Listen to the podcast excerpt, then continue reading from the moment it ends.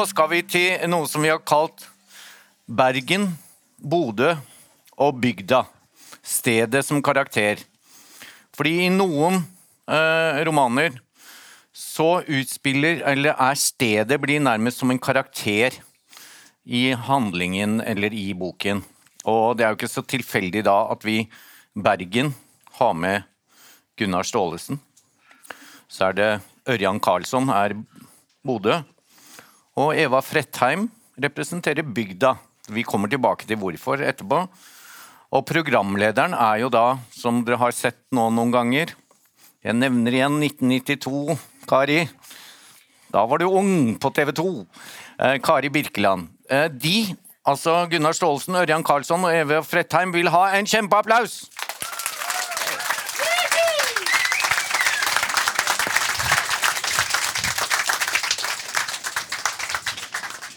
Kjære alle sammen, hjertelig velkommen til Krimfestivalen. Og så fantastisk at dere vil tilbringe fredagskvelden her med oss.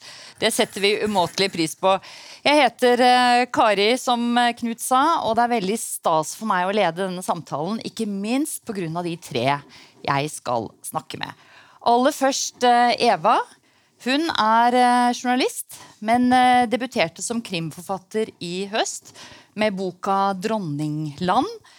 Vi er på bygda. Det er amerikanske biler, det er birøkting, det er nedfalne gårder.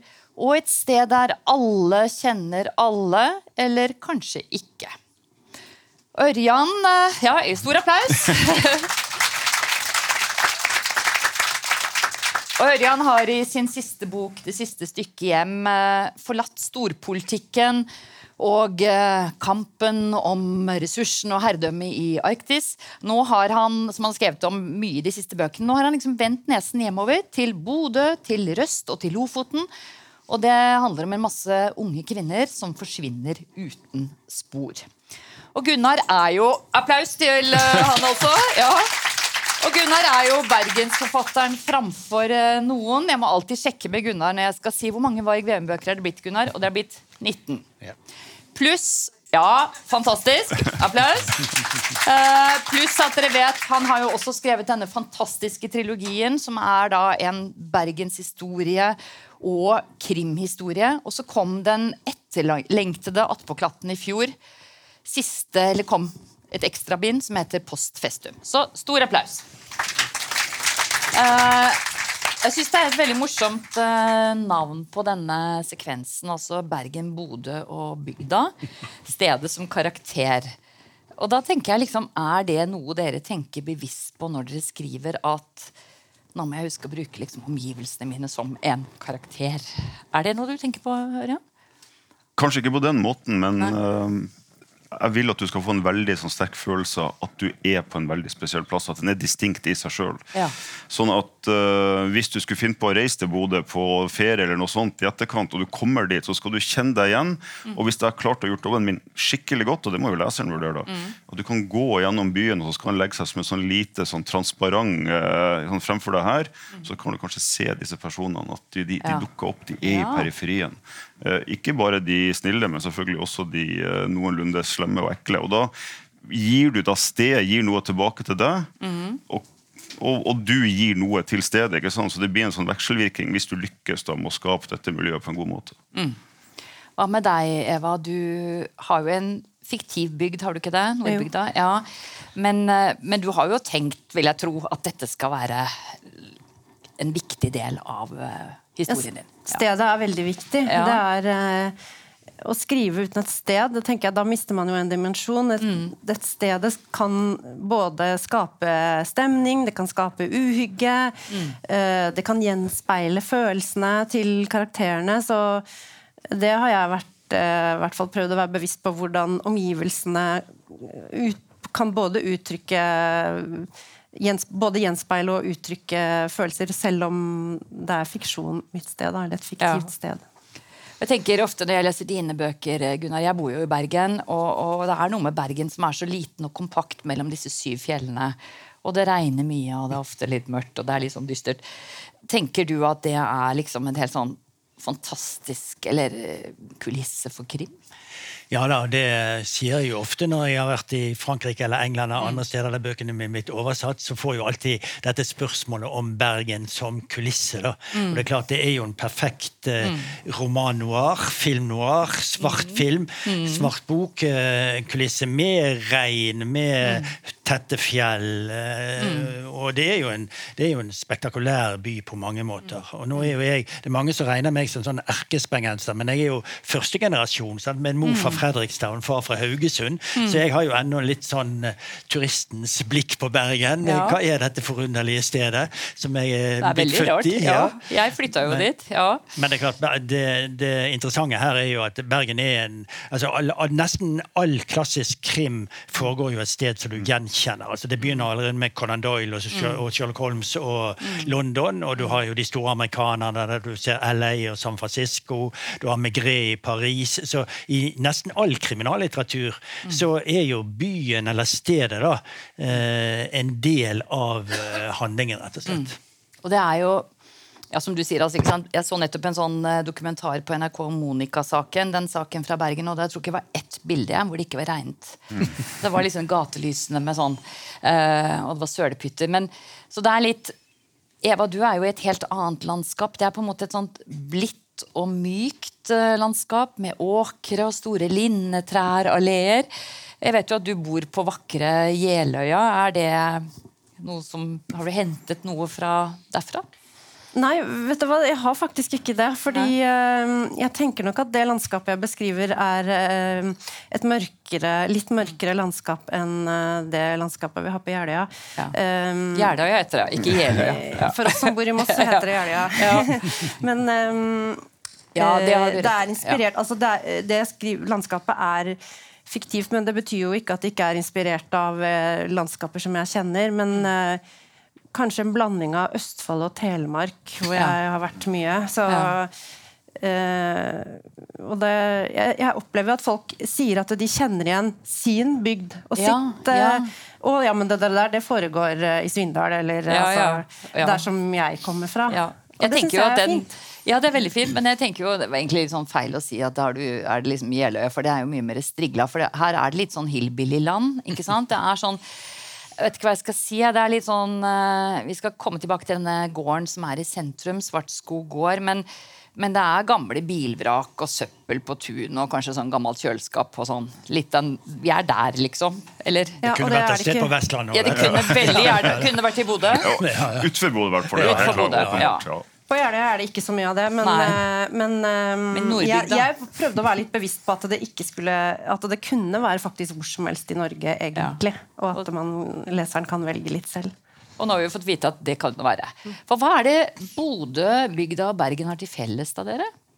Jeg tenkte litt på det før, ja. vi, uh, før, vi, gikk på her. Altså, jeg har jo lest både, både Chris og Gunnar sine bøker, ikke sånn, romaner fra Bergen. Det som slår meg, er at Bodø på mange måter selv, altså, Det er jo en mindre by enn Bergen, men den er også nærmest motsatt. I mm. Bergen så får du dette kompakte, litt mørke fjellene rundt. Mm. I Bodø så åpner landskapet seg. ikke sant? Du har havet og fjellene og Lofotveggen og alt dette. Mm. Og i første øyekast så ser det fryktelig vakkert ut, og det kan ja. det også være, men det er også nakent. Og du kan føle deg sårbar ikke sant? og veldig liten i dette enorme landskapet. Mm. Mm. Og Spesielt når jeg da reiste ut og satt hoveddelen av historien på Røst, ikke sant? som er blankskult. og eh, altså det er vel, Jeg vet ikke hva som er rekorden, men jeg tror at de hadde ett år så hadde de vel tre dager uten vind. ikke sant? Mm. Så alle går jo sånn delvis foroverbøyd hele tida. Så hvis det slutter å blåse, detter jo halvparten av bebyggelsen over. Sånn at det er, det er liksom det motsatte. men du vil også tilbake til det urbane. Og jeg tenker at Bodø er vel en måte jeg kan leke meg med det urbane på uten at eh, det blir for lite. Byen er akkurat stor nok til at den kan ha mange hemmeligheter. Mm. Uh, og, eh, og, med omlandet rundt så, så, har du plutselig muligheter til å skape et sånn, mm. sånn plass som gjør at det er spennende. Og Derfor jeg også liker tanken på bygda. Mm. For det er mye bygd rundt Bodø. Så du kan få den dimensjonen òg. Og rundt Bergen. Ja.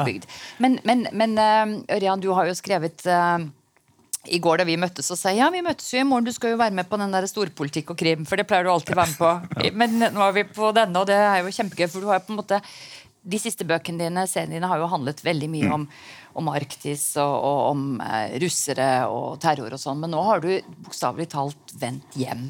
Ja. hvorfor det? Jeg hadde, jeg hadde lenge hatt lyst til å skrive en krim. og så er det Jeg bor jo nå i Oslo ikke sant? og tenkte at uh, jeg kunne skrive noe herfra. Men for meg så det, føltes det en anelse generisk. altså Det er mange som er født og oppvokst der, som ser byen annerledes enn meg. Mm. Så jeg ble alltid turisten, ikke sant? han som har flytta inn, han som ser byen på den måten. Som kan være spennende nok. Mm. Men når jeg kom til Bodø og skulle begynne å skrive, så fant jeg ut at det jaggu meg var i ferd med å bli det samme der òg. For det er så lenge siden jeg bodde der. Ja. At jeg måtte plutselig gå rundt og siden eh, boka, eller historien satt i nåtid mm. altså Hadde jeg ikke gjort det, så har jeg jo endt opp med å skrive en roman fra 80-tallet. Ja, ja. Eh, men jeg gir den et ferniss av i dag. Ja. Så jeg oppdaga egentlig Bodø på nytt. Ja, Du måtte en, på, dra på, være turist i egen by? rett og slett. Ja, og dette var liksom sånn covid-ferie. ikke sant? Dro tilbake, tok med meg døtrene mine, vi reiste ut på Røst. Og så plutselig tenkte jeg her er det muligheter. Her, er det, her, kan, her kan jeg få fæle ting til å skje i et fint landskap. Og det skjer jo fæle ting. Det, eh, det forsvinner jo kvinner som jogger, og kvinner som eh, haiker. Og det er en cold case-sak, så denne Det er ikke noe fredelig eh, sted å oppholde seg. Det er farlig å være kvinne der oppe. Ja, altså Jeg slår jo i hjel den myten om han koselige nordlendingen. Ja, det gjør du altså, virkelig. det, det, det, er ingen Jo, det er noen, da. Vi, heltene liker vi. Men, men, du sier jo i boka di at Bodø er ikke Grünerløkka. Eh, og det er vel heller ikke Bergen heller. Hva er liksom forskjellen? forskjellen på Bergen ja, altså, er, Hva er det som er liksom Jeg tenker Bergen og Bodø har kanskje det til felles at man på en måte har noen sånne gamle strukturer i byene. ikke sant? Det er fortsatt sånn fine strøk, veldig fine strøk. Det er det jo for så vidt i Oslo. sikkert på bygda. Jo, men så er det, også, altså det er jo en historisk allianse mellom ja. Eh, Bergen ja. og Nord-Norge i det hele tatt. Mm. Fordi Bergens formue i middelalderen ble jo bygget på fisk som kom mm. fra Nord-Norge. Mm. Og den kontakten langs kysten Det er jo to kystbyer. sant? Og mm. Jeg har jo vært i Bodø, og har jo, har jo, men den gangen jeg var i Bodø, så var det 30 varmegrader der. Så det var også en unntaksdag, tror jeg. Eh, men, men, og jeg ser ser jo at de byene sånn visuelt og på mange måter er helt forskjellige. Det er riktig som Ørjan sier, at eh, landskapet åpner seg der. Du ser Lofoten. Eh, men vi ser jo til Askøy vi da, fra mm. Bergen. Ja, vi gjør det. Og, og uh, så er det jo Omegn er spesiell. Og nå må jo få lov til å si at jeg da holder på med en ny Varg Veum-bok mm. som kommer til høsten. Og nå har jeg skrevet meg gjennom omtrent alle bydeler i Bergen. Og ja. da, av og til så må jeg da bevege meg ut, så i denne boken kommer veldig mye av handlingen til å foregå i Masfjorden, eh, som da er områdene nord for Bergen. Og der merker jeg litt når jeg leste Dronningland nå mm. nettopp, at der er det også litt sånn eh, enten, Der er det enten hillbilly eller bedehus. Liksom, ja. Det er de det, den, det, det, det, er spennende. Ja. Og, eh, det, og da måtte jo jeg også da drive litt eh, oppsøkende research. research. Jeg har vært noen ja. turer opp i Masfjorden det siste året. Ja, Er det gøy?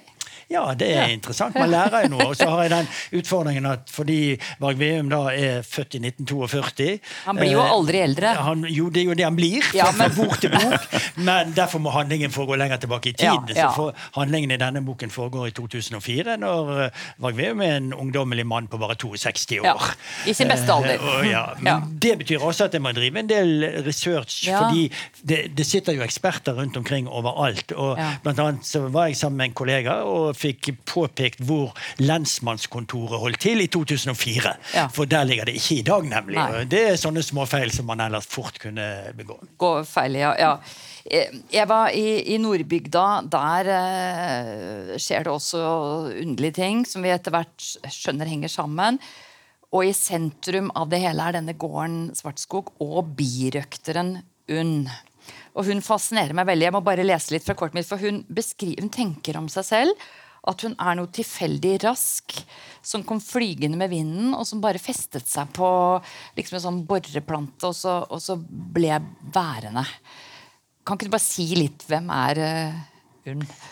Hun er jo uh, en, en, litt mystisk karakter for meg også, på en mm. måte. Um, og kanskje for seg selv også.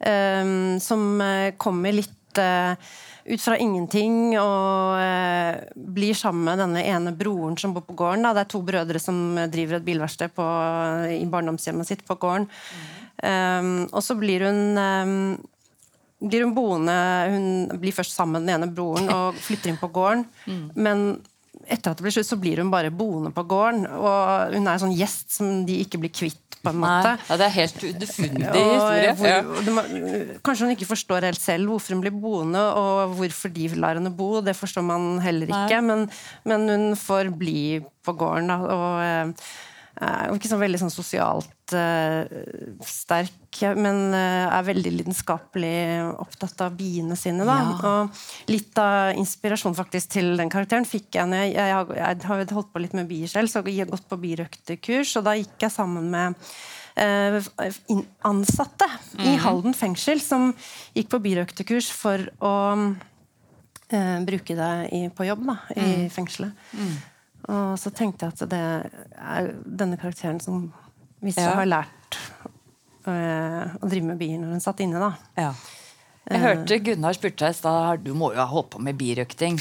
eh, fordi at du er jo virkelig inne i bikuben. Altså, det er jo en, en metafor altså Det er jo et bilde på Veldig, har du gjort det? Har du holdt på med bier selv? Altså, ja, eh, altså Det er egentlig mannen min som har ja. hatt bier i ti år. Ja, Du gikk på birøktekurs, ja. Stemmer. Ja, så jeg har gått på birøktekurs og vært ja. med veldig mye i uh, bigården. Og han har hatt bier i ti år, vi har hatt bier i ti år, og de sto på en gård hvor det ble drevet med Amcar, så det er jo uh, litt sånn omgivelser som Det er jo en inspirasjon som uh, Ikke på Jeløya, men et annet sted i Østfold. Um, men uh, ja, nei ja, det er du, Så du kan, dette kan du. Du har ikke bare vært på kurs, du kan det. Mm. Men hun sier jo faktisk at hun tenker som en bie. Hva mener hun med det? Eller du. Hva mener du med det? um, når hun sier det, så tenker hun uh, uh, i hvert fall at man biene ofrer livet sitt hvis de stikker. Mm. Eh, så hun må ikke stikke. Det er i hvert fall det hun tenker i den mm. konkrete situasjonen, i motsetning til veps. Ja. Så uh, biene, bier er jo ikke sånn som plager deg eller mm. vil stikke deg, sånn som vepsen. Mm. Altså, hvis en bie stikker, så er det Da ofrer den livet. Så da er det alvor. Da ja. Det er veldig spennende, synes jeg, å gå inn i hele den, eh, den tanken. Men du, du, beskriver jo natur veldig mye i boka di. og det er jo en journalistisk sjanger, det du driver med. Sånn nature writing. Kan ikke du bare Hva er det for noe? Jeg begynte å skrive den romanen um, etter at jeg hadde tatt en masteroppgave, eller tatt master i journalistikk. Jeg, og da skrev jeg masteroppgave om klimajournalistikk. Vi gjorde mm. det i, for noen uh, år siden. Og en av de tingene som jeg undersøkte i masteroppgaven min, er nature writing, som er en journalistisk sjanger som er kanskje ikke så stor i Norge, men i Harvest Magasin f.eks. Mm. kan man finne ja, ja, ja. Det er på en måte en måte å søke å levendegjøre naturen på um, ved at naturen ikke bare er en scene, men en karakter, da, eller en mm. protagonist. Ja, det er veldig spennende. Ja. Og da kan det jo f.eks. være biene. Altså, hos meg så er det jo kanskje Biene er jo på en måte en slags karakter uh, i fortellingen, da. Mm. Men det der med eh, Det tenker jeg du altså I dine bøker Gunnar, så er jo været veldig viktig. Det er jo ingen som er så opptatt av vær som bergensere. Og jeg er jo blitt sånn selv òg. Har bodd her lenge. Men apropos det med levendegjøring. for det er jo liksom eller menneskeliggjøring, som også man gjør veldig mye i Nord-Norge. Men jeg, ofte når jeg leser eh, VM-bøkene, så begynner du gjerne å beskrive sånn Det regnet sidelengs. Da Varg banet seg gjennom, eller det var snøslaps og eh, Ikke sant? Og det er veldig viktig. Og du, i din bok nå er det jo veldig mye vær. Det mm. blåser, det regner, det er midnattssol, det er og i Nord-Norge så driver man jo også og menneskeliggjør vær. Ja, altså man, man, man besjeler jo været. Man sier ja. 'han er sterk i dag', eller ja. Det gjør man jo også om naturen òg. Sånn at mm. uh, det er jo åpenbart, eller jeg, jeg tror for det er åpenbart, at hvis man lever i et gitt miljø eh, et helt liv, så blir man prega av det. Det blir en del av den du er. Mm. Du får et forhold til det rundt deg. At man er opptatt av det som skjer rundt en, handler også mye om at det er ting man egentlig ikke kan kontrollere, som man må leve med, og derfor også må prate om. Og så blir det viktig. ikke sant? Mm. Mm. Sånn at uh, det gjør noe med oss, og jeg syns det er spennende å utforske. Og da blir det mer enn ei kulisse. ikke sant? Ja, ja. Det blir en, eh, en ja, i, ja, det blir rett og slett en karakter. Men du, ja, nå bor du jo i Skien. Ikke så opptatt av været der, kanskje? eller? Mer stabilt. Altså, ja. det er jo, men, men da er du liksom tilbake til bygda. ikke sant? Der du får disse, Jeg hadde jo akkurat en sånn lydserie nå for Gyllendal. Mm. Som, eh, det som skjer i mørket. ikke sant? Og Der har mm. du ei sånn kirke og noe sånn mm. skogsmiljø og sånn. og Det blir litt dunklere og mørkere. og eh, litt kanskje skummelt på en annen måte. da. Men mm. det er stemninger som er veldig spennende å utforske. Mm. Gunnar?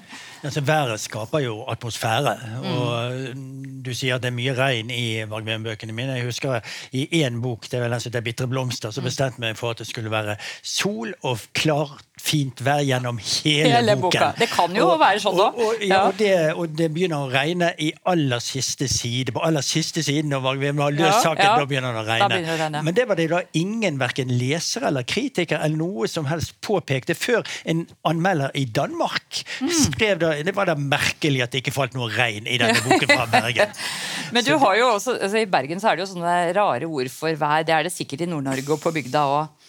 Men jeg husker da jeg flyttet sånn opp opplett? Er det et ord dere bruker i dag? Er det opplett? opplett? Ja, det er opplett i dag. Det betyr at da, det, ja. da kan du se solen. Ja.